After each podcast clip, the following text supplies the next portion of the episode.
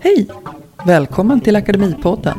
Akademipodden är en tvärvetenskaplig podcast. Här kan du höra forskare i Sveriges Unga Akademi mötas och diskutera utifrån sina forskningsfält. Idag ska vi höra Petter Brodin som är barnläkare och klinisk forskare inom immunologi. Petter har också knutits till Sveriges Olympiska Kommitté för att förbättra idrottarnas hälsa. Han ska prata med Tove Fall som är utbildad veterinär och idag forskar inom epidemiologi. De ska prata om husdjur och immunförsvar. Efter avsnittet får du höra tre smakprov ur barnboken Forskardrömmar. Mia Linasson och Christian Åhm läser. Mia läser sin text och Christian läser två texter som har en gemensam nämnare, nämligen schizofreni. Jag heter Annika Moberg. Och sen pratar vi lite, vi är så himla självgoda och nöjda med, våra, med barnboken. Att den, Den är grym. ja. Mm. Har du fått Jag har, den? läst fler, jag har fått den. Jag har läst flera stycken för mina barn. Nej, men de tycker den är jättefin. Absolut. Och jättespännande. Min, min, eh, min lilla tjej eh, Sola som är fyra år gillar flera stycken där. Flera favoriter. Kul. Ah, vilka då? Men det är flera. Eh, Tove och sen så eh, ska vi se, jag måste ta fram den här. Hon gillar ett gäng. Hon har, vad heter den här med rymden? Nu hittar jag inte den för den ligger i hennes rum. Vi har flera, vi har flera favorit, favoriter. Ja. Jag såg att eh, Robert Lagerströms dotter, hon fastnade först för Palle för att vara lego med på illustrationen. Min, min dotter gillar tjejerna. Hon gillar, hon gillar uh, superheroes, liksom Wonder Woman. Ja, Ja, det, men det, Vem gör inte det liksom? Ja. Ja, det är liksom att vi försökte få med något för alla så. Ja, Att man det kan känna igen ja. sig i någon. Men eh, min eh, son han älskar ju både, han eh, kör ju musik, han går i musikskola och har Ah. musik varje dag och så älskar han lego och datorer så han bara Palle, det var så här liksom Vadå finns det andra liksom? Kan man bygga pianon och liksom direkt så här huvudet bara sp- spann loss? supercoolt. Ja. Vad roligt. Ja, och min Ja. dotter hon är så här superfeminist liksom, så hon bara är med rättvisa och Mia Linasson, det är bra grejer liksom. Och det finns. Ja, du får visa henne Ebba också då. Hon är ju fierce. Ja, precis. Ja. Ja, men hörni, vi ska podda om eh, husdjur och eh, immunförsvar. Mm. Och Wow. då Petter Brodin som forskar på Karolinska immunologi. barnläkare också. Ja, barnläkare och Ja. forskare i immunologi vid Karolinska institutet. Och Tove Fall som är forskare i epidemiologi vid Uppsala universitet och är veterinär. Mm, precis, har i alla fall en veterinärutbildning. Ja, ja, du, Har du du är ju jobbat kliniskt Tove? Ja jag, jag jobbade när jag var student ganska mycket som liksom på sån här tillfällig legitimation och sen under min doktorandtid, sen var jag ett halvår i Stockholm som eh, smådjursveterinär och sen under min doktorandtid så var jag en dag i veckan kliniskt och lyckades bli någon Mm. slags endokrin specialist. Jag hade en endokrinmottagning och han skötte Mm. halva Sveriges diabetesdjur. Så. Och sen Oj. körde jag lite samtidigt som jag var eh, forskare här i Uppsala och hade kvar den mottagningen. Men sen blev det bara för stressigt med små barn och var på kliniken och den där halva dagen var liksom en och en halv dags jobb som jag hade. Så att jag har en, lite grann sådär. Men visst blev du årets veterinär? I år ja. Mm. Nej, förra. Wow. Ja, alltså ja, 2020, precis. Ja, det är en så cool utmärkelse. Ja, men det var ju för mina insatser i covid-debatten tror jag. Ja, en fin företrädare. Ja, precis. Absolut. Eh, har ni poddat förut? Jag har gjort lite, alltså jag har varit med på, jo men det har jag, fast det har ju bara handlat om så här specifika forskningsämnen som jag liksom jobbar med dagligdags. Så att säga. Ja, Eh, Antingen på KI, sen har jag varit med i den här This Week in Virology som, är sen- som har blivit Det är jättestor nu. Den är Ja, väldigt... men jag var före, före covid var jag med. Så Den nu, hade har- inte nu lika har många det blivit, lyssnare då kanske. nej inte ens, jag tror inte ens hälften så många lyssnare som den har nu. Nu har det blivit liksom jättepodd. Men eh, det var kul ändå. Och eh, ja, så jag har varit med några gånger i sådana där forskningssammanhang, forskningspoddar. ja. Det här Ja, kanske vad lite kul. mer populärvetenskapligt, tolkar jag det som i alla fall. Ja, det är det absolut. Tvärvetenskapligt alltid och eh, populärvetenskapligt. Mm. Nu så tror jag i och för sig att ni förstår varandra väldigt bra. Eh, just ni två. Men eh, det är inte säkert att lyssnaren gör det då. Annika, du kan klippa om det blir fel också va? Ja, det gör jag. Då vill jag höra, för ni har ju olika ingångar, delvis och expertis i ämnet immunologi och husdjur. Och på akademimötet i september när vi fick träffas, det var ju helt magiskt att det liksom var som ett mm. fönster när akademimötet ägde rum, där alla ledamöter i Sveriges unga akademi fick träffas. Och då så kom den här idén upp. Och hur kom det sig? Ja, det är en bra fråga. Jag presenterade ju min forskning då. Så att eh, då dök liksom frågor upp kring ämnet om immunsystemets utveckling som är mitt huvudintresse kan man säga. Och eh, jag tror att det var utifrån den presentationen och diskussionerna kring det som, som diskussionen dök upp om att vi kanske skulle titta på hur det här hänger ihop med en annan forskning som Tove gör som är direkt kopplad till det här fast i en helt annan form på populationer och, och eh, med epidemiologin som verktyg. Eller hur Tove?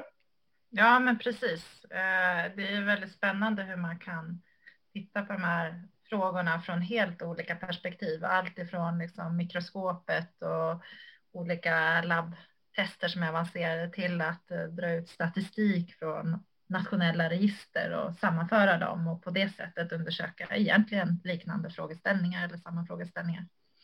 Mm. Ja, Petter, har du lust att rekapitulera lite den, eh, det som du berättade om, om din forskning på det mötet? Mitt huvudintresse kan man säga, det handlar om hur immunsystemet formas tidigt i livet. Eh, därför att som barnläkare så vet vi att många sjukdomar som drabbar barn, de har sitt ursprung i immunsystemets tidiga utveckling. Och det vet vi ganska mycket från just epidemiologiska studier som, som Tove, den, av den typen som Tove jobbar med. Eh, därför att vi ser att till exempel barn som får antibiotika tidigt i livet, barn som föds med kejsarsnitt kontra vaginal förlossning eh, och så vidare har olika risk att senare i livet drabbas av olika sjukdomar som är till exempel autoimmuna, typ diabetes, eller allergier och astma och andra sjukdomar där immunförsvaret spelar en viktig roll. Så att vad vi vill försöka förstå, därför att vi tycker att det är ofullständigt kartlagt, det är just hur immunförsvaret faktiskt anpassar sig till liksom, miljöfaktorer till livet och utvecklas i ljuset av det. Ehm, så att vi försöker förstå på ganska noggrann molekylär nivå hur processerna går till. Så eh, Men inspirationen kommer från den typen av populationsstudier som Tove gör. Så där finns det en, en uppenbar koppling. Ja, vad heter det? Hur går din forskning till praktiskt Petter? För du är ju barnläkare också. Precis. Forskningen går till så att vi försöker att få följa barn som föds eh, och följa dem med blodprover och avföringsprover och kliniska data eh, från det att de föds till dess att de kanske blir fyra, fem år just nu i alla fall. Eh, och det vi försöker med de här blodproverna så tittar vi på parametrar i immunsystemet, vita blodkroppar, proteiner i blodet och så. Och sen så tittar vi avföringsprover för att se hur mikrober, alltså bakterier, virus, svampar och annat koloniserar de här barnen. Därför att vi tror att en viktig faktor som avgör immunsystemet utveckling är just de här bakterierna och virusen och svamparna och andra som, som, som koloniserar barnet i samband med De flyttar in och blir en del av oss. När du säger kol koloniserar. Det. Mm, det är precis vad, det, vad de gör. Och det där är en process som sker. Det pågår ganska mycket diskussioner om när det där börjar. Men personligen så tror jag att det framförallt sker i samband med förlossningen och därefter. Och kanske inte så mycket i mammas mage. Eh, och då blir det extremt viktigt att förstå precis hur den processen går till, men också hur immunförsvaret reagerar på den processen. Så det är liksom det vi försöker göra. Sen försöker vi utvinna så mycket information som vi bara kan ur de här små blodproverna som vi kan ta från små barn. Ehm, och sen så blir det då en, en mycket experimentella analyser men också ganska mycket databearbetning i efterhand för att försöka korrelera saker och ting till varandra och det är mycket korrelationer och mycket sådana analyser. Ja. Behöver du hjälp av Tove då kanske? Ja, varför inte? Tove och andra som är duktiga på data. Mm. Ja, Tove, din del? De här frågeställningarna så har vi använt oss av eh, nationella register som finns i Sverige. Och i, de, eh, i Sverige så har vi sedan väldigt länge använt personnumret.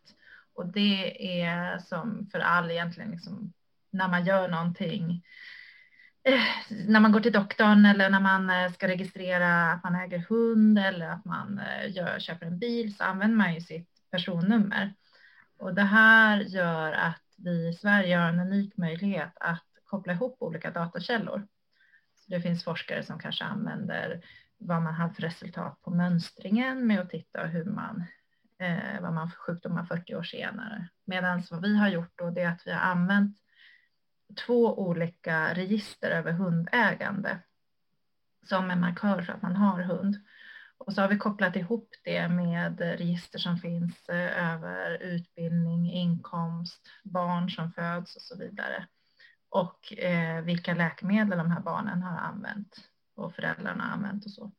Och på det här sättet så kan vi skapa som en tidsmaskin där vi har information från början på 2000-talet över egentligen hela Sveriges barnbefolkning. Eh, vad det har varit för levnadsförhållanden i familjen där de här barnen har fötts. Då. Och eh, då kan man följa de här barnen och, och sen titta då eh, barn som har fötts i ett hem där det finns en hund enligt hundägarregistret eller finns två hundar. Kanske finns en pudel och en tax. Båda är tikar till exempel då. Hur, eh, vad har de här barnen, finns det en koppling till barnens förekomst av astma i skolåldern? Och eh, när man först tänker på det här så tänker man att nej, man kan ju hitta vad som helst. Vi kan ju hitta massor av samband. Men det, det som kräver expertkunskap när man använder den här typen av data, det är att förstå något som kallas störfaktorer. För det kan vara så till exempel att föräldrar som har astmaallergier själva har en lägre benägenhet att skaffa hund, men deras barn har en högre ärftlig risk för de här sjukdomarna. Och då kan man luras om man hittar ett samband där då att, att eh, familjer som inte har hund har en högre förekomst av astma. Då kan man bli lite lurad av den där störfaktorn. Eh, så att vad vi jobbar med jättemycket inom den här typen av epidemiologi, det är att försöka kartlägga störfaktorer. Det är till exempel vanligare att man har hund på landsbygden i Sverige av olika anledningar. Och om det också är så att bo på landsbygden är förknippat med att man har längre till läkaren och man har en lägre eh, ja, förekomst av vissa typer av sjukdomar av den orsaken, att det inte registreras på samma sätt. Då kan man hitta falska samband. Så min uppgift är att leta efter eh, bevis på orsakssamband i de här data och det är det som är den stora utmaningen. Att vi har enorma databaser då eh, där vi kan ha miljontals Eh, personer och jättemycket uppgifter om de här personerna och sen leta just efter orsak och verkan. Och det är jättespännande. Sen vill jag också lägga till att naturligtvis så har vi inte tillgång till några uppgifter som gör att jag kan identifiera personerna i de här databaserna, utan det plockas bort av Socialstyrelsen och SCB när de ger ut data. Så att vi, vi kan se att det här fanns det en flicka som föddes i det här länet och hon hade en hund hemma och så vidare. Men vi kan inte se vilken flicka det var. Nej, det är ju viktigt säkert för eh, folks vilja att medverka, antar mm. jag. Precis, och de här studierna de tackar man ju faktiskt inte ja till, utan vi frågar ju inte, utan vi har fått godkännande att ta ut de här avidentifierade registeruppgifterna utan forskningspersonernas eh, godkännande. Och eh, rent vetenskapligt så det en väldigt stor fördel. Mm. För att vi vet att så fort eh, man går ut och frågar om någon vill vara med i en studie så finns det ett stort bortfall som inte är slumpmässigt. Så det är ofta personer, det man är högutbildad ökar chansen att man går med och andra faktorer. Så, att, så från en rent vetenskapligt perspektiv så är det fantastiskt att kunna ha med alla barn som har fötts hela befolkningen mm. utan bortfall. Och det här är någonting som gör att den här typen av eh, studier har väldigt hög trovärdighet internationellt för att vi inte, vi har complete follow-up. Vi följer alla tills att de antingen flyttar ut till Sverige och då vet vi det eller att de dör eller att studien är slut. Så att vi har, det är just det här när man säger ja, vi hade en miljon barn med complete follow-up, då är det liksom, eh, det, det är verkligen unikt. Men det här bygger på ett förtroende också att dels att vi då vi har inte tillgång till uppgifter som gör att vi kan identifiera personer och att vi dessutom har både hängslen och livrem så vi stänger in de här data så att det är väldigt svårt att komma åt dem för någon utanför forskargruppen. Ja, men vad bra att de samlas på det viset då. Absolut. Och att, och att kan de kan tillgängliggöra så att någon någon gång såg det, vilken eh, tillgång det är det här. Mm. Absolut. Tove, får jag fråga dig en sak? Är det, är det fortfarande så att det här är väldigt unikt för Sverige och de skandinaviska länderna? Eller är det så att fler länder liksom följer efter? För att vi, vi hör ofta att det här är en liksom väldigt unik skandinavisk resurs. Um, men samtidigt så ser vi hur många andra länder, till exempel i England så har man UK Biobank som är en väldigt in, imponerande resurs där man försöker, inte på hela populationen, men på en väldigt stor population ändå, samla data. Så min fråga är, är det här fortfarande en unik resurs? Eh, nej, jag skulle säga att det är inte längre unikt. Eh, Storbritannien har ett ganska bra system. De kan ju till och med få med primärvårdsdata i sina eh, studier, vilket vi har svårt med i Sverige. Eh, Taiwan vet jag har ett komplett liksom, register över hela sjukvårdssystemet på 30 miljoner invånare. Så här är någonting som eh, inte längre är en, en eh, unik fördel för Norden. Eh, dessutom så är det ganska krångligt administrativt i Sverige att få tillgång till de här data, ibland onödigt krångligt med hinder som faktiskt inte ökar säkerheten utan bara ökar besväret så att säga. Eh, så att andra länder kommer i kapp. Jag skulle säga att vi är fortfarande unika kanske att använda personnummer liksom i alla sammanhang i samhället. Um, hundägarregister vet jag att det finns liknande i Danmark och Norge, men ingen annanstans i världen till exempel. Mm, ja, det blir en bra personlig hashtag man har. Absolut. Jag, jag tycker Tove tar upp en väldigt intressant och viktig poäng, just det där med sjukvårdens eh, som jag, jag brinner väldigt mycket för av naturliga skäl. Att jag skulle önska att vi kunde koppla mer till sjukvårdens register och framförallt att vi skulle ha mer nationella sjukvårdsregister och snarare än att sjukvården skulle vara så regional som den är idag. Mm. Ehm, men där, eh, ja, där har vi lite kvar att jobba på kan man säga, eller hur? Och det är en feedback som, går, liksom, som vi går miste om för att det är så då? Verkligen. Ja.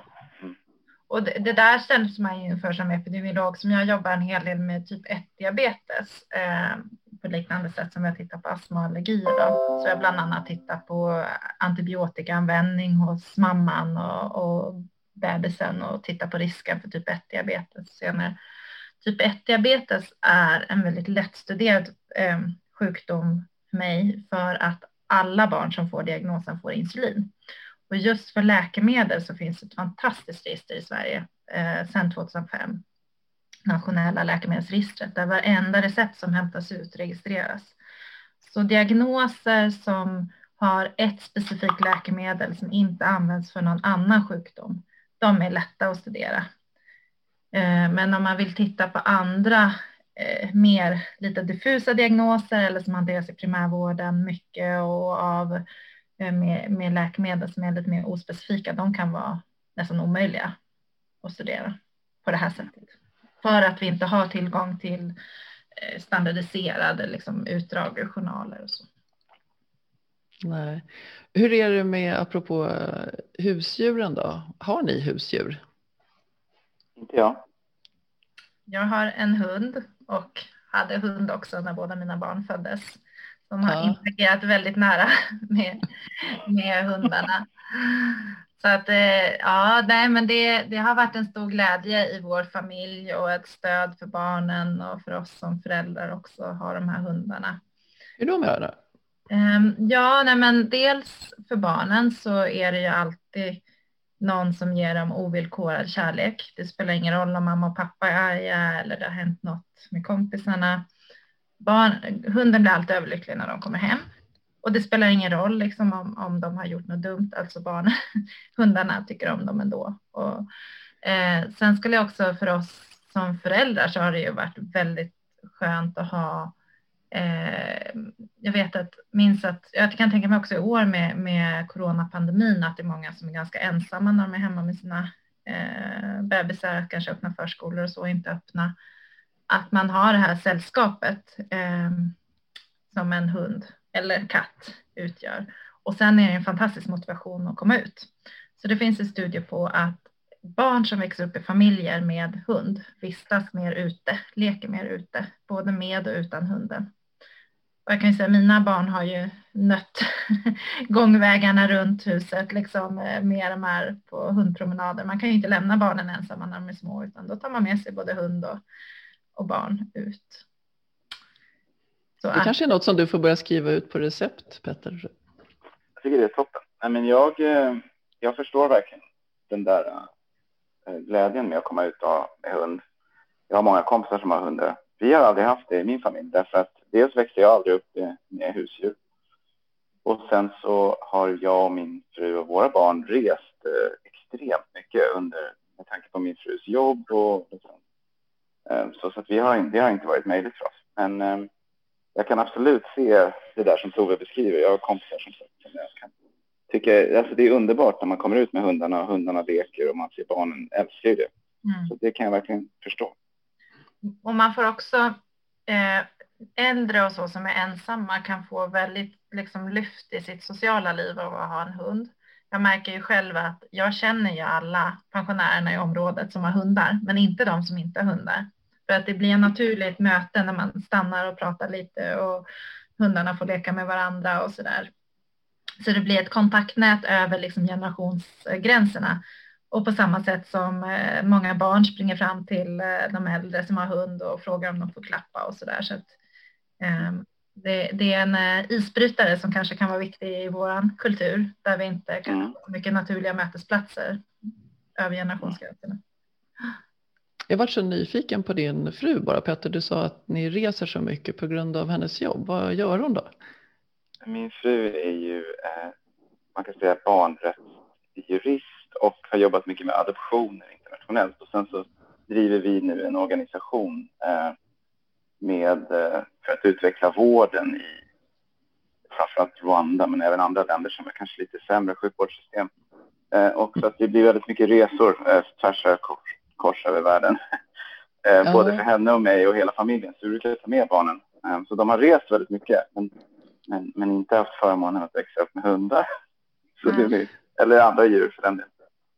Det är liksom svårt. Jag, jag, tror att det finns ju de som har hund och reser också. Men jag tror att det är svårt. Svårare. Ja, men vilket, eh, ja, vilket intressant arbete. Mm. Jag förstår att ni kompletterar varandra bra. vi försöker. Ja. Nej, precis. Nu i pandemin, ja, så det, det sägs ju att eh, väldigt många fler har skaffat hund också. Mm.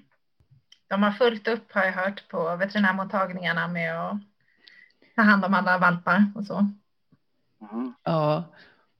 Och där, där är viktigt att, att om, om man ska skaffa hund nu, eh, om man känner att man har möjlighet att göra det, att man eh, köper den på ett så sätt så att man är säker på att det inte är en smuggelhund. För det är verkligen ett otyg. Eh, men där finns det goda råd att få om man går in på till exempel Kennelklubbens hemsida. Hur man eh, försäkrar sig om att ens hund faktiskt är född i Sverige under goda förhållanden. För det är något som, när det blir en så stor efterfrågan så finns det alltid, eh, vad ska man säga, onda krafter som är där och försöker tjäna pengar på en ökad efterfrågan. Ja. Mm. Men, men också hur, eh, det finns ju andra aspekter också med hundar, det här med träning och om man får en liten valp så ska man ju mm. liksom fostra den. Mm. Det är ju en god idé att till exempel anmäla sig till en valpkurs. Det gör även jag fast när jag var en hundägare. Så när man får en ny hund så går man på valpkurs och kan man komma in i den gemenskapen också och, och få och läsa på också. Det är ju, man ska inte, jag tänker så här att det är lite som när man skaffar barn. Man måste inte vara expertförälder för att få bli förstagångsförälder, utan man kan faktiskt skaffa hund och det går bra. Men man ska se till att liksom informera sig och får man eh, första tiden i, i valpens liv, precis som i en eh, bebis liv, är ju viktig. Att hunden får känna sig trygg och inte utsätts för saker som den inte ska. Och så. Ehm, så då är det jättebra att försöka få kunskap genom en valpkurs.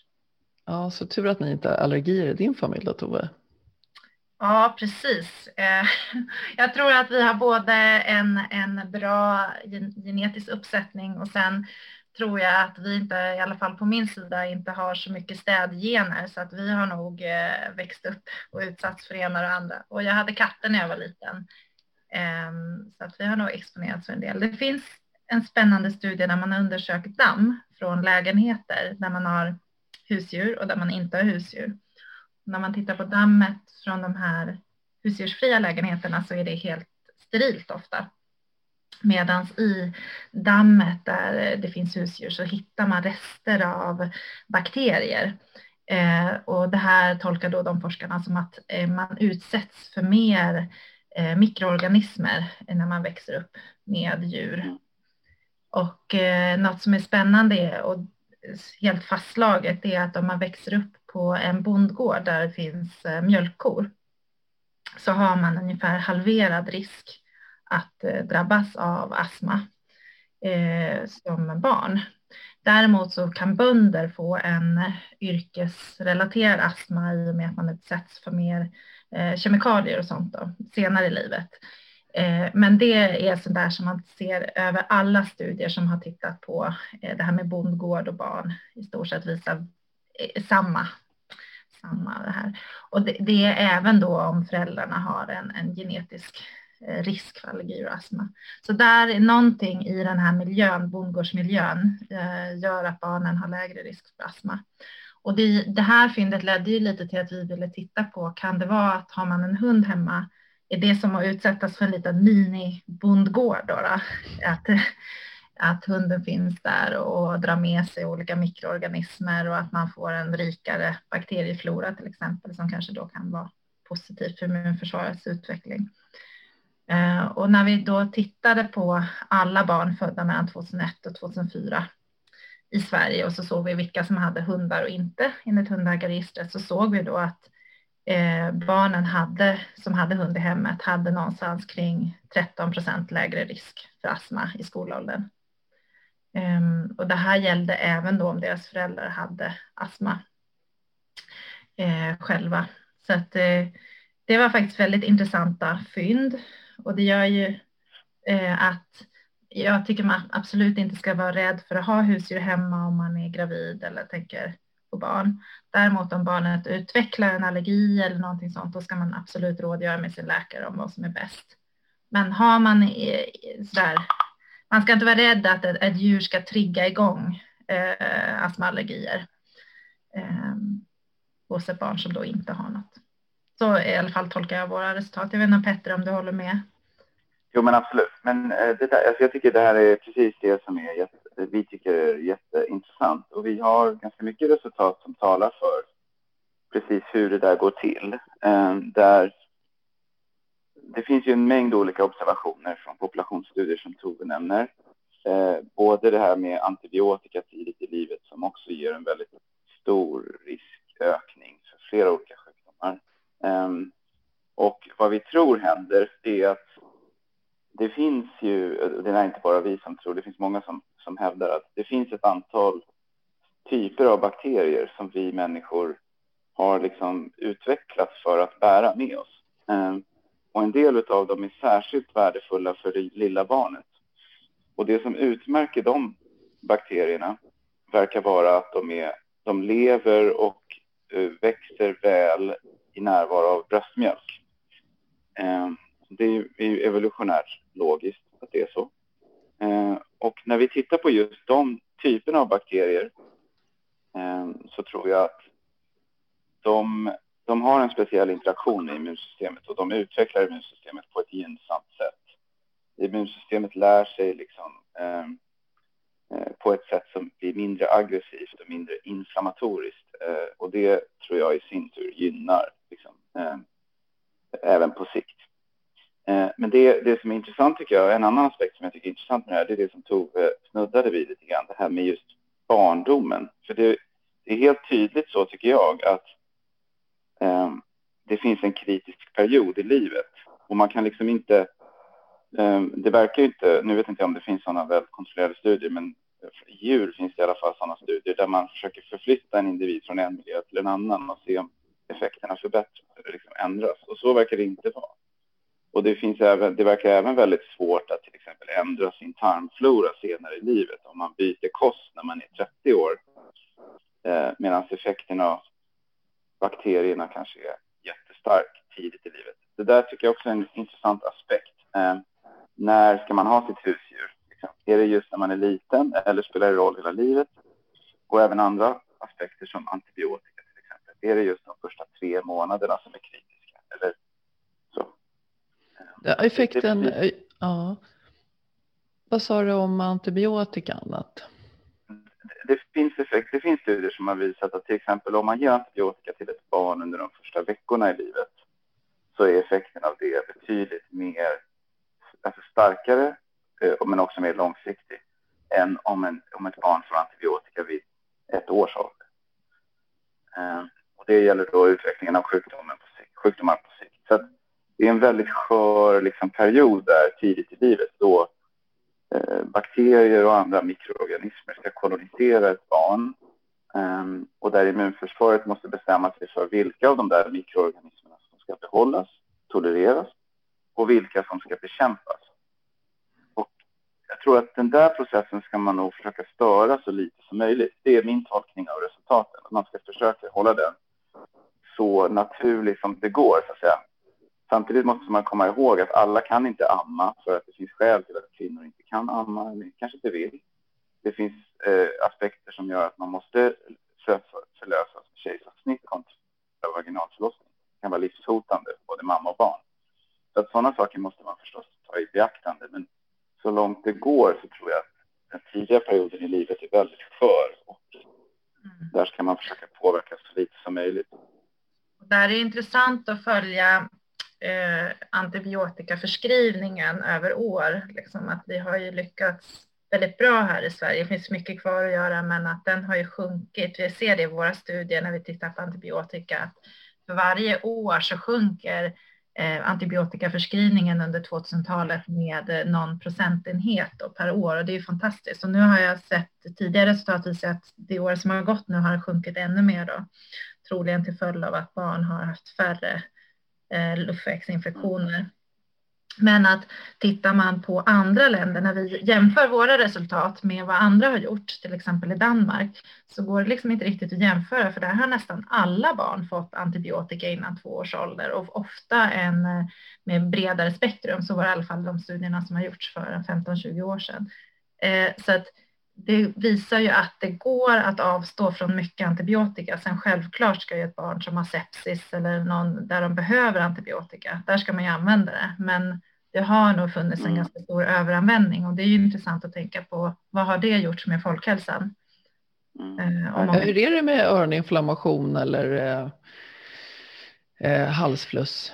Förskriver man ja, antibiotika? Ju, men vi har ty jag tycker att svenska barnläkare är ganska duktiga på det, att, att begränsa användningen. Eh, men ju mer vi liksom, ju mindre disciplinerade vi blir med att, så att säga, vem som förskriver antibiotika till vem och vilka riktlinjer man följer och så där, i och med att vården fragmentiseras, så att säga, många olika eh, kliniker på olika ställen som blir mer, mindre och mindre liksom, eh, styrda så att säga, så, så tror jag, jag, jag är lite orolig för att vi kommer att tappa en del av de här vinsterna som Tove nämner.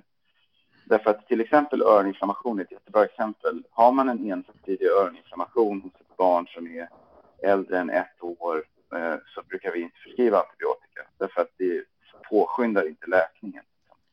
Har man däremot en brusten trumhinna och eh, kanske dubbelsidig så då förskriver vi ofta antibiotika men under en kort period.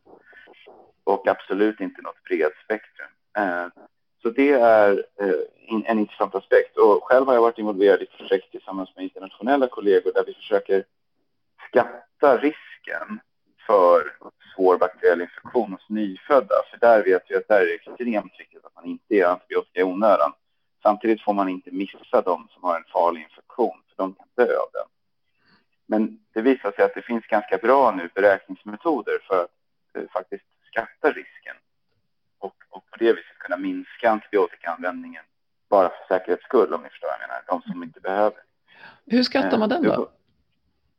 Man, man mäter eh, markörer i blodet såsom inflammationsmarkörer men också eh, dagar. Det är det som vi kallar för sänka.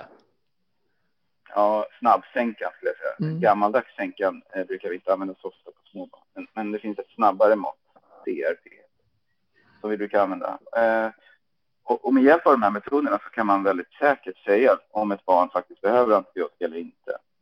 Ehm, och eh, det har ju ehm, det har också stor betydelse. Man kan minska användningen på det viset. Och en sak som är intressant är ju att parallellt med det här arbetet inom humansjukvården så har det funnits en stark eh, rörelse inom veterinärvärlden att minska antibiotika i Sverige. Eh, vi har haft väldigt duktiga företrädare både på myndigheter, veterinärorganisationer och universitetet som har jobbat jättehårt för att få ner antibiotikaanvändningen på husdjur.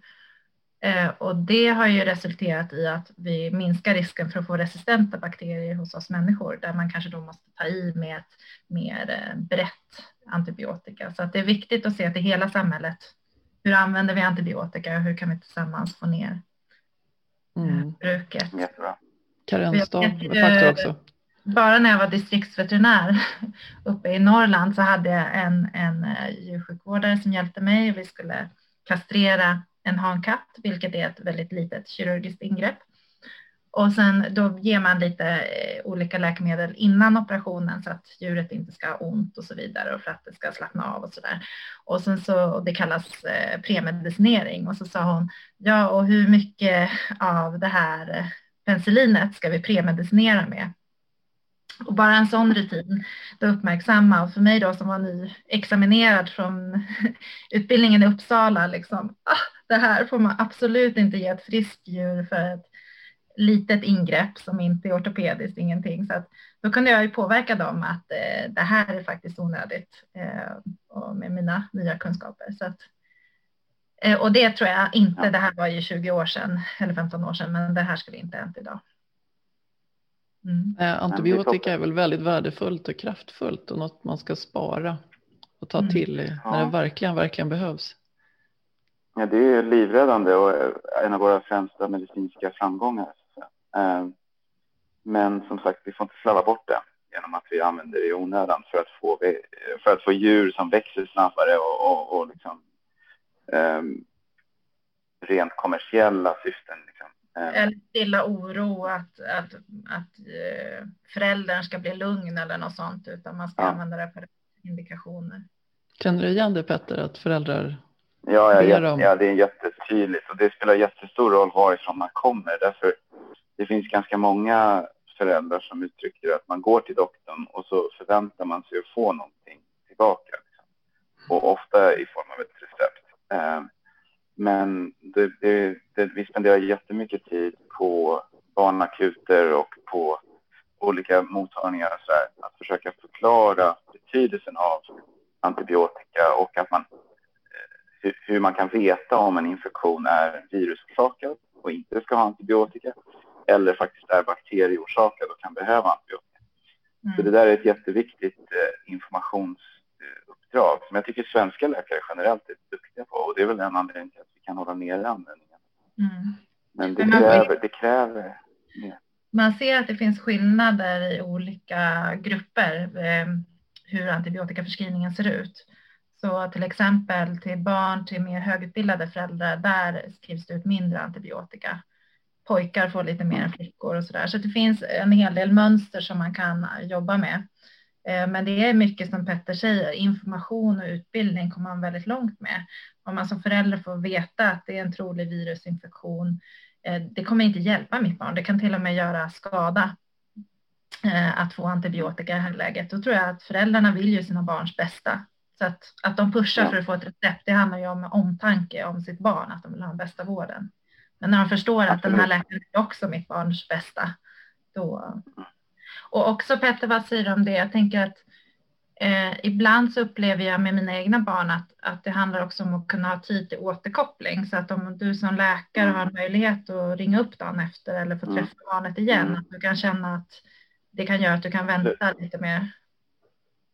Absolut, och det ger ju både en trygghet för den doktorn som tar det där beslutet. Därför att precis som att föräldrarna känner ju förstås en stor ångest över att det här är en farlig infektion som kommer att göra barnet ännu sjukare om man inte får den antibiotikabehandlingen.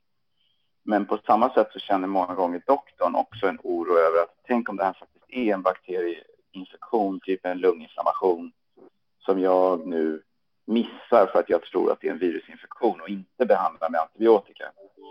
Så att den här uppföljningen som Tove nämner, den är extremt värdefull för båda parter eh, därför att den ger en trygghet både åt mig som läkare att våga avstå från antibiotika när jag kanske inte är säker eller när jag tror att det är en virusinfektion men jag kan inte veta med 100 säkerhet. Då är det väldigt skönt att veta att om barnen sen blir sämre dagen efter då kan man sätta in antibiotika då. Och det har inte gett någon större skada. Um, men problemet då blir varför gör vi inte alltid så? Jo, det beror ju på att vi alla är, eh, ja därför att tryck, vi är för överbelastade helt enkelt. På barnakuterna är det en fruktansvärd väntetid många gånger eh, och man behöver liksom en bättre organisation för att ta hand om den typen av patienter. Man skulle ju behöva i en, i en perfekt värld skulle en sån patient träffas av en allmänläkare som känner patienten och som känner familjen och som kan sedan följa upp dagen efter. Och, så. Mm. och det skulle ju minska belastningen för att då skulle färre barn bli svårt sjuka. Eller liksom... Absolut, ja absolut. Mm. Mm. Ja, ja, intressant. Ja, hur funkar vården nu eh, under pandemin här? Är det minskat tryck då? Man, eh, jag tänkte att folk ja, håller sig hemma och drar sig för att åka in. Eh, alltså det har definitivt varit så. Eh, vi har sett minskat flöde. Under våren var det nästan otäckt därför att vi undrade vart alla patienter som vi normalt ser har tagit vägen och vi var oroliga för att folk stannar hemma fast de egentligen behöver vård. Jag tycker nu under hösten har det varit mer eh, det är inte ett normalt flöde. Vi har långt ifrån en normal högsäsong i år. Vi har en helt annan typ av patienter än vad vi brukar ha. Eh, men Eh, det är inte lika tydligt att folk stannar hemma. Jag tror att folk faktiskt söker vård som behöver vård i större utsträckning under hösten än under våren. Så, men vården är extremt pressad av pandemin förstås. Så att vi går fortfarande på knäna så att säga av den anledningen. Eh, men jag tror att de som de som är riktigt sjuka får nog bra vård och behöver den vård de behöver. Medan de som kanske är eh, mindre svårt sjuka men ändå oroliga kanske, de kan nog få vänta lite längre än vanligt. Mm. Ja, jag har dragit mig lite för att ta upp pandemin för att man slukas så lätt av den. Ja, men det är ju någonting som det... ni båda har eh, jobbat med. Och Petter, jag för mig att du berättade eh, hur, att du har haft några patienter som har kommit in, även barn va, med covid? Jag har jobbat jättemycket med barn med olika former av eh, sjukdom som är kopplad till det här coronavirus. Ehm, och framförallt då barn som är svårt sjuka där immunförsvaret överaktiveras och får en sån här hyperinflammationssjukdom. En ny sjukdom, tror vi, eh, som dyker upp en, en till två månader efter att de har sin infektion. Men, men de barnen har vi, eh, vi har haft väldigt mycket eh, att jobba med dem kan man säga. För att förstå vad det är för sjukdom, hur vi ska behandla dem. Petter, tror du att det kommer kunna finnas tillräckligt med information för att se om det här, det finns liknande riskfaktorer, till exempel med kejsarsnitt och tidig antibiotikaanvändning? Och tror du att det kan spela in i om man har riskerar att reagera på det här sättet eller är det något annat som avgör mm. om man kommer att få den här Alltså det är en jätteintressant fråga. Det börjar nu komma lite studier kring sådana här riskfaktorer. Folk har lyft D-vitamin och så där. Men jag, jag, tror att än så länge är det alldeles för tidigt att säga. Och de studierna som har kommit hittills är rena spekulationer. Um, men det är klart absolut att det kommer att komma sån information. Vi har ju nu 2000 barn i USA till exempel som har drabbats av det här. Vi har 125 barn i Sverige. Så det, är, det är väl så att vi bör, bör snart kunna ha tillräckligt, tillräckligt stora grupper för att kunna säga något. Mm.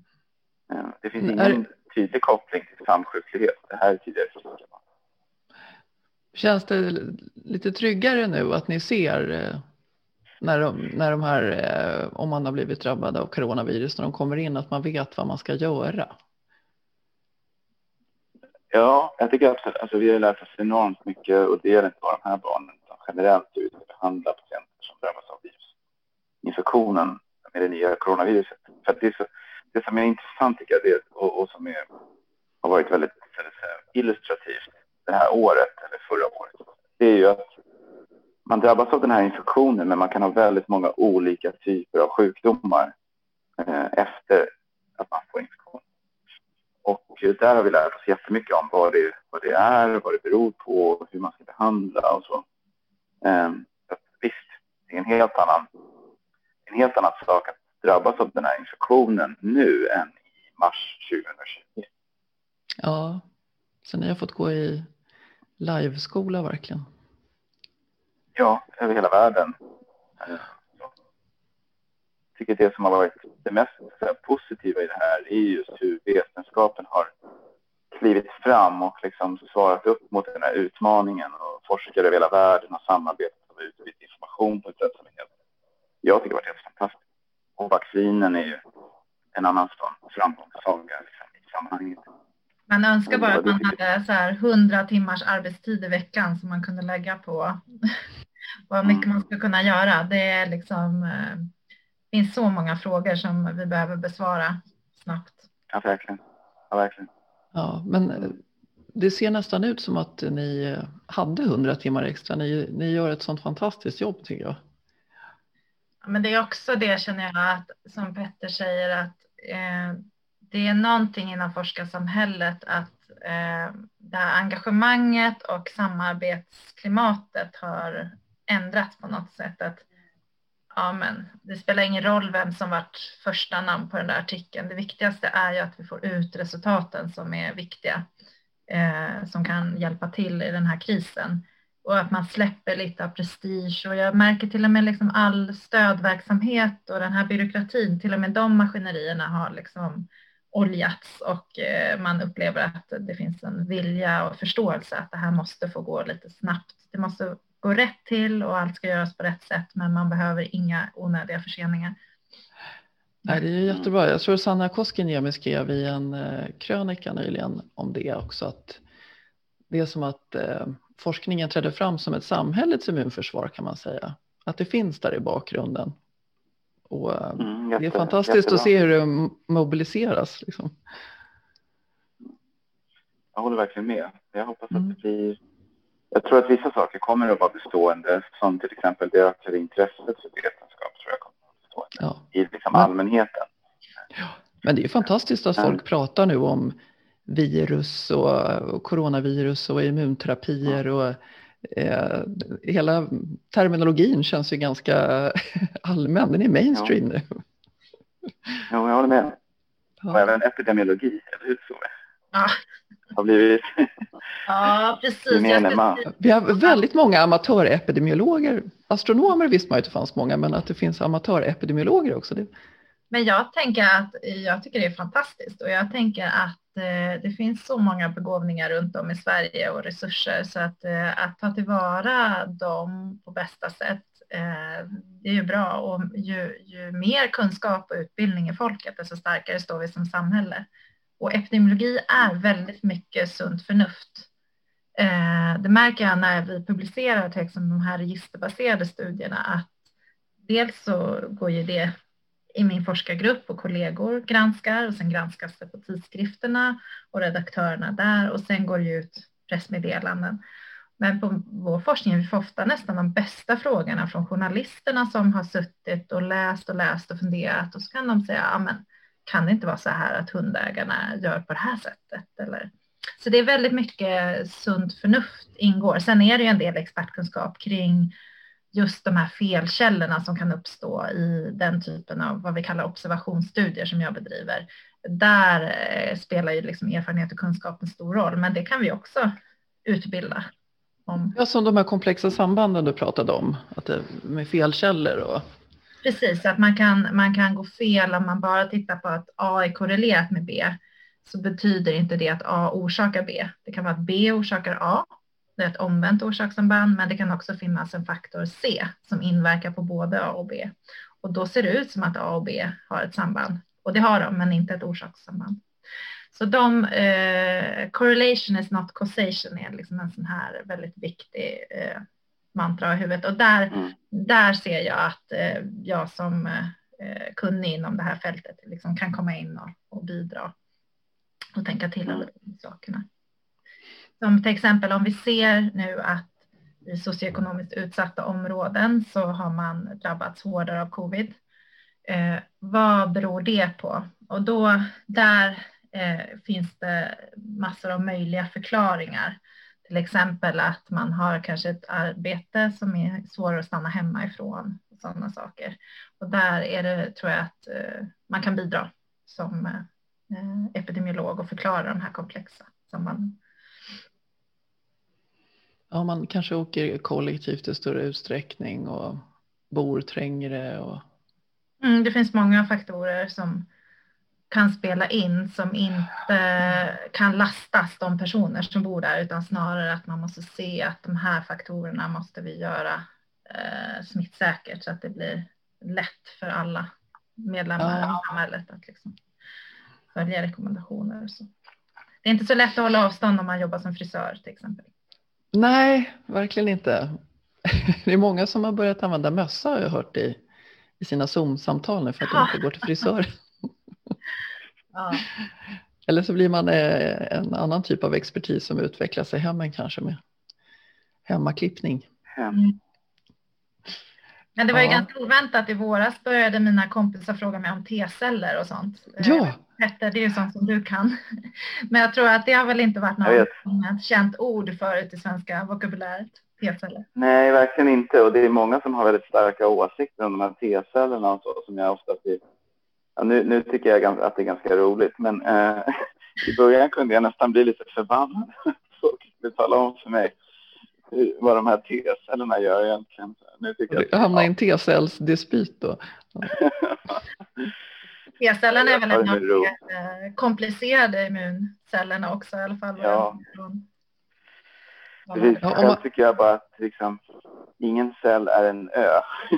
de som jobbar tillsammans. Men det är det, det är liksom ett mantra jag försöker hamra in till folk, men det är väldigt svårt att, eh, ja, det är svårt att greppa liksom, även för immunologer hur saker och ting hänger ihop och att det är väldigt, en sak som är väldigt tydlig tycker jag i hela coronadiskussionen är ju att viljan att förenkla är extremt stark mm. och eh, ibland går ju vilse i förenklingarna. Det som inte går att säga en rubrik på liksom, 40-50 tecken, det är inte värt att... Ja, ja. ja, det är polarisering och förenkling.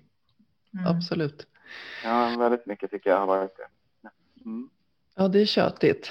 Nej, lite mera gråzon kan behövas faktiskt. Om man är intresserad av eh, Tove och Toves forskning så kan man ju läsa om det i en barnbok som Sveriges Unga Akademi ger ut som heter Forskardrömmar. Mm. Det är en bok som handlar om 60 barn som sen har blivit forskare och deras eh, väg till forskningen kan man säga. Och eh, den visar, när man, jag läser den för mina barn och diskuterar den så ser man hur olika forskare är. Det är inte så att eh, alla är stöpta i samma form. Eh, det finns många som är liksom haft idéer tidigt, men det finns också många som inte förstod förrän väldigt sent att man kunde bli forskare och vilket otroligt fantastiskt spännande yrke det är. Och eh, sen hoppas vi också att den kan inspirera till att eh, man börjar tänka på saker man kan forska om i vardagen. Man måste inte jobba på ett universitet för att undersöka saker närmare.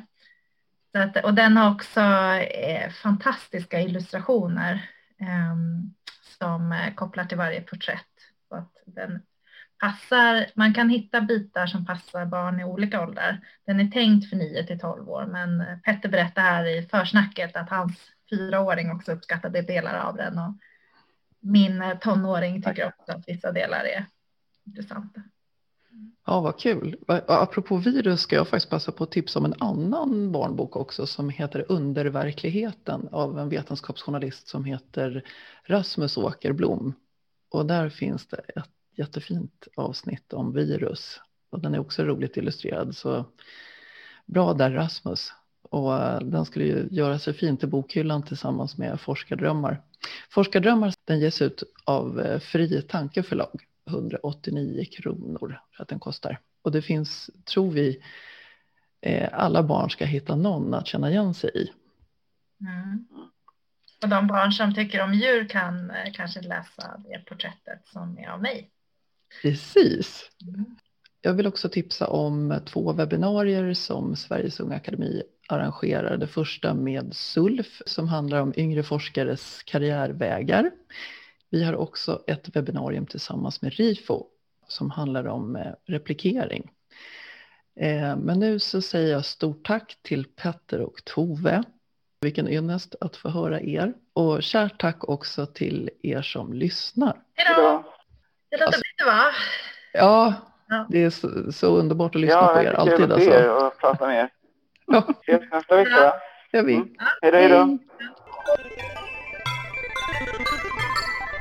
Häng kvar så får du höra några smakprov ur barnboken Forskardrömmar. Mer information om den hittar du på sverigesungaakademi.se snedstreck forskardrömmar. Mia växte upp i en stor familj med tre syskon och två katter.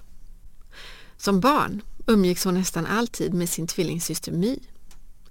Tvillingarna brukade skoja med sin mamma genom att klä ut sig till varandra och kiknade av skratt när mamman blandade ihop dem. Men det var inte lika kul när deras lärare gav Mia lägre betyg på ett prov därför att hon fick några poäng färre än sin syster trots att de båda uppnått gränsen för betyget. På kvällarna efter middagen brukade Mias mamma gå till tvättstugan för att sköta den stora familjens tvätt. Högar efter högar med t-shirts, byxor, strumpor, skjortor som skulle strykas, lakan som skulle vikas. Om man inte visste var mamman var kunde man alltid kolla där. Tvätten tog aldrig slut. När Mia såg att pappan eller de äldre syskonen aldrig hjälpte mamman bestämde hon sig för att själv göra det. Senare förstod Mia orsaken till varför det blev som det blev i hennes familj. När vi har vant oss vid en sak uppfattar vi det som något naturligt. Därför kan orättvisor fortsätta att finnas och därför kan vi till och med försvara dem. Som många unga reagerade Mia starkt på orättvisor i skolan, i samhället, i familjen. Idag ägnar hon sig på heltid åt att forska kring orättvisor mot olika grupper såsom kvinnor, svarta, homosexuella, transpersoner, personer som flytt till ett nytt land eller urfolk som till exempel samer. En person kan tillhöra flera av dessa grupper på samma gång, vilket inte är ovanligt. Som forskare får Mia ta del av många människors kamp för rättvisa här i Sverige och i andra länder. Att få lyssna till människors erfarenheter och tankar gör att hon förstår mer om varför orättvisor finns och hur de kan bekämpas. Det är lite som hennes engagemang som ung, även om hon inte såg sig som någon blivande forskare då. För forskare ägnar väl sig bara åt experiment och inte åt att lyssna på folk, trodde hon. Men det är just vad Mia ägnar stor del av sin tid åt idag. Att lyssna noga på vad människor har att berätta. Sedan Mia var barn har mycket förändrats. När hon växte upp existerade inte ens ämnet genusvetenskap, som finns idag, tack vare många studenters och lärares kamp för ämnets framväxt. Men vissa saker består. Mia umgås till exempel fortfarande mycket med sin tvillingsyster. Men de brukar inte klä ut sig till varandra längre. Inte så ofta i alla fall.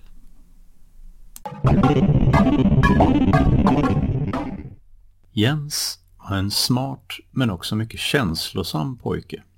När hans pappa körde över en skalbagge en gång hade han svårt att sluta gråta. Och var det någon i hans familj som var ledsen, då blev han också det. I skolan drogs Jens alltid till det som verkade svårast. Det var helt enkelt lockande med utmaningar och det gick oftast bra i skolan, trots att det inte gick att lita på Jens, som hans pappa brukade säga. Vad pappan menade var att Jens hade svårt att göra färdigt saker som han påbörjat. Och gjorde han klart dem så var det oftast i sista minuten. När Jens började läsa vidare på universitet och fick ta mer ansvar för sina egna studier växte problemet. Jens blev besviken på sig själv då han visste att det var viktigt att slutföra saker om man vill komma in på forskarutbildningen. Och det ville han verkligen. Trots detta var han fortfarande lockad av utmaningar och när Jens pluggade biologi upptäckte han att man faktiskt inte visste så mycket om hur hjärnan fungerar. Det ville han ändra på. Men på grund av sina problem klarade han inte riktigt av att ta ut sin examen. Som tur var kom han in på utbildningen ändå. Och det visade sig att Jens var en skicklig forskare som snart skulle ta sig an något mycket svårt inom hjärnforskningen, nämligen sjukdomen schizofreni. Själv upplevde Jens att det blev lättare för honom att jobba fokuserat ju äldre han blev. Men den viktigaste insikten kom när en kollega en dag frågade honom har ingen berättat för dig att du har ADHD? Den frågan gjorde Jens ledsen, men han insåg att det kanske låg ett visst mått av sanning i den. Så han genomgick en utredning som visade att hans kollega hade rätt. Jens hade ADHD. Trots att det var jobbigt med insikten förstår Jens sig själv mer nu. Och även om han fortfarande är mycket känslig som person så har han hittat ett bra sätt att jobba med sin forskargrupp. Tillsammans fortsätter de att försöka lösa gåtan om vad som är annorlunda i hjärnan vid schizofreni. Åsa tittade upp och mötte sin storebrors blick. Han log och hjälpte henne att torka bort jorden hon nyss hade spilt. Det gör ingenting. Titta vad fint det blev, sa han och lyfte upp deras senaste experiment på hyllan. Ett litet akvarium fyllt med jord där de kunde studera hur myrorna grävde gångar. När Åsa var fem och hennes bror Mats elva skilde sig föräldrarna. Då bildade Åsa och Mats en pakt. De bestämde att det skulle vara de två för alltid. Men nio år senare satt Åsa och grät framför en bror som hon inte kände igen. Hans blick var svart och det lät som om han pratade både ryska och franska samtidigt. Mats hade drabbats av schizofreni. Schizofreni är en sjukdom som påverkar hjärnan och gör att man ibland får en annorlunda bild av verkligheten. Mats kan till exempel få för sig att tidningar och tv försöker styra honom. Som barn skämdes Åsa för sin brors sjukdom och ville inte att någon skulle veta om den. Ingen hade ändå förstått, trodde hon. Schizofreni var det fulaste ord hon visste. Och hon kände inte bara ett hat mot sjukdomen utan även mot sin bror. I smyg berättade Åsas mamma för hennes lärare och baskettränare om Mats sjukdom.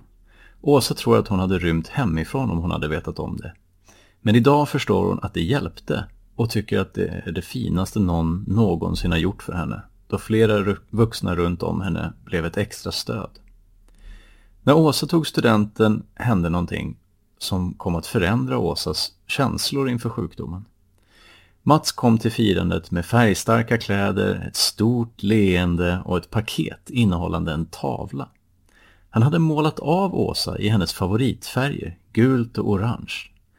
Hatet och skammen försvann när hon såg porträttet och då bestämde sig Åsa för att acceptera att Mats drabbats av schizofreni. Mats schizofreni har gett Åsa en drivkraft att försöka förstå sjukdomen på ett djupare plan. Idag forskar hon om hjärnans funktioner för att bättre inse vad som orsakar schizofreni och hur de som drabbas kan få en bättre medicinering. Utöver sin forskning jobbar Åsa även med att berätta om vad schizofreni är en vanlig sjukdom som alla andra. Syskonen har hittat tillbaka till varandra och de håller ihop precis som de lovade. Idag tycker Åsa att schizofreni är ett vackert ord.